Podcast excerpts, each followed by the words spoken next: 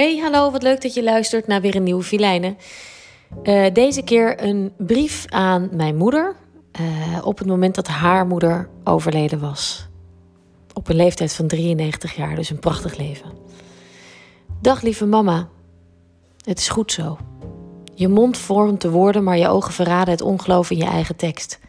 Het is niet goed zo. Je moeder is gestorven. Je oude lieve moeder, die 93 jaar haar leven leefde, is niet meer. De vrouw die jou het leven gaf, is gestopt met dat van haar.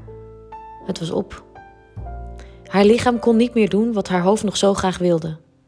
Als een sterk fundament was ze altijd aanwezig in jouw leven en later ook in dat van ons. Als zachte oma zorgde ze altijd voor haar kinderen en kleinkinderen. In de oorlog voorzag ze opa in het ziekenhuis van wat eten. Op een fiets met houten wielen doorkruiste ze Amsterdam om hem, die haar zo lief was, te verzorgen. Dat bleef ze volhouden, tot jouw vader veel te vroeg stierf. Je hebt me veel over hem verteld. Ik had hem dolgraag gekend, maar door jouw verhalen en de prachtige foto's heb ik hem nooit echt hoeven missen. Jij wel. Je miste je vader als een deel van jezelf. Je ogen worden nog altijd vochtig als je over hem vertelt. Het geloof dat je ooit dacht te hebben, verdween als sneeuw onder je voeten toen je vader stierf. Nooit meer kwam het terug. Je hebt een heerlijke onbezorgde jeugd gehad. Met liefde en veel plezier ben jij groot geworden en je moeder bleef altijd in je buurt.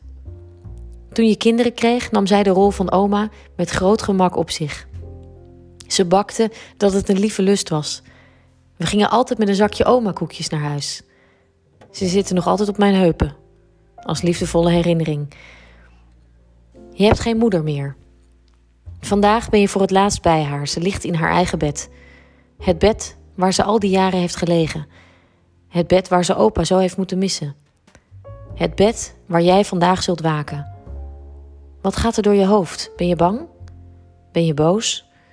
Is je geloof nog altijd verdwenen of brengt de rust die oma nu uitstraalt je wellicht terug bij wat er ooit is geweest? Vanavond wordt ze opgehaald en morgen krijgt ze een laatste mooie plek. Een plek waar ze voor altijd mag rusten. Ik zal naast je staan, lieve mam. Ik hou je hand vast en samen zullen we beseffen hoe heerlijk het was om zo lang van haar te mogen genieten. Want dat hebben we gedaan. De hele grote familie, die zij samen met opa heeft opgericht, zal haar volop respecteren. Alle 22 achterkleinkinderen plaatsen een mooi lichtje bij haar graf.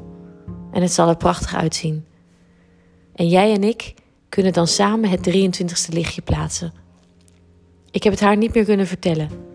Maar waar een leven eindigt, komt er ook altijd weer eentje bij. Liefs, je dochter Filijna.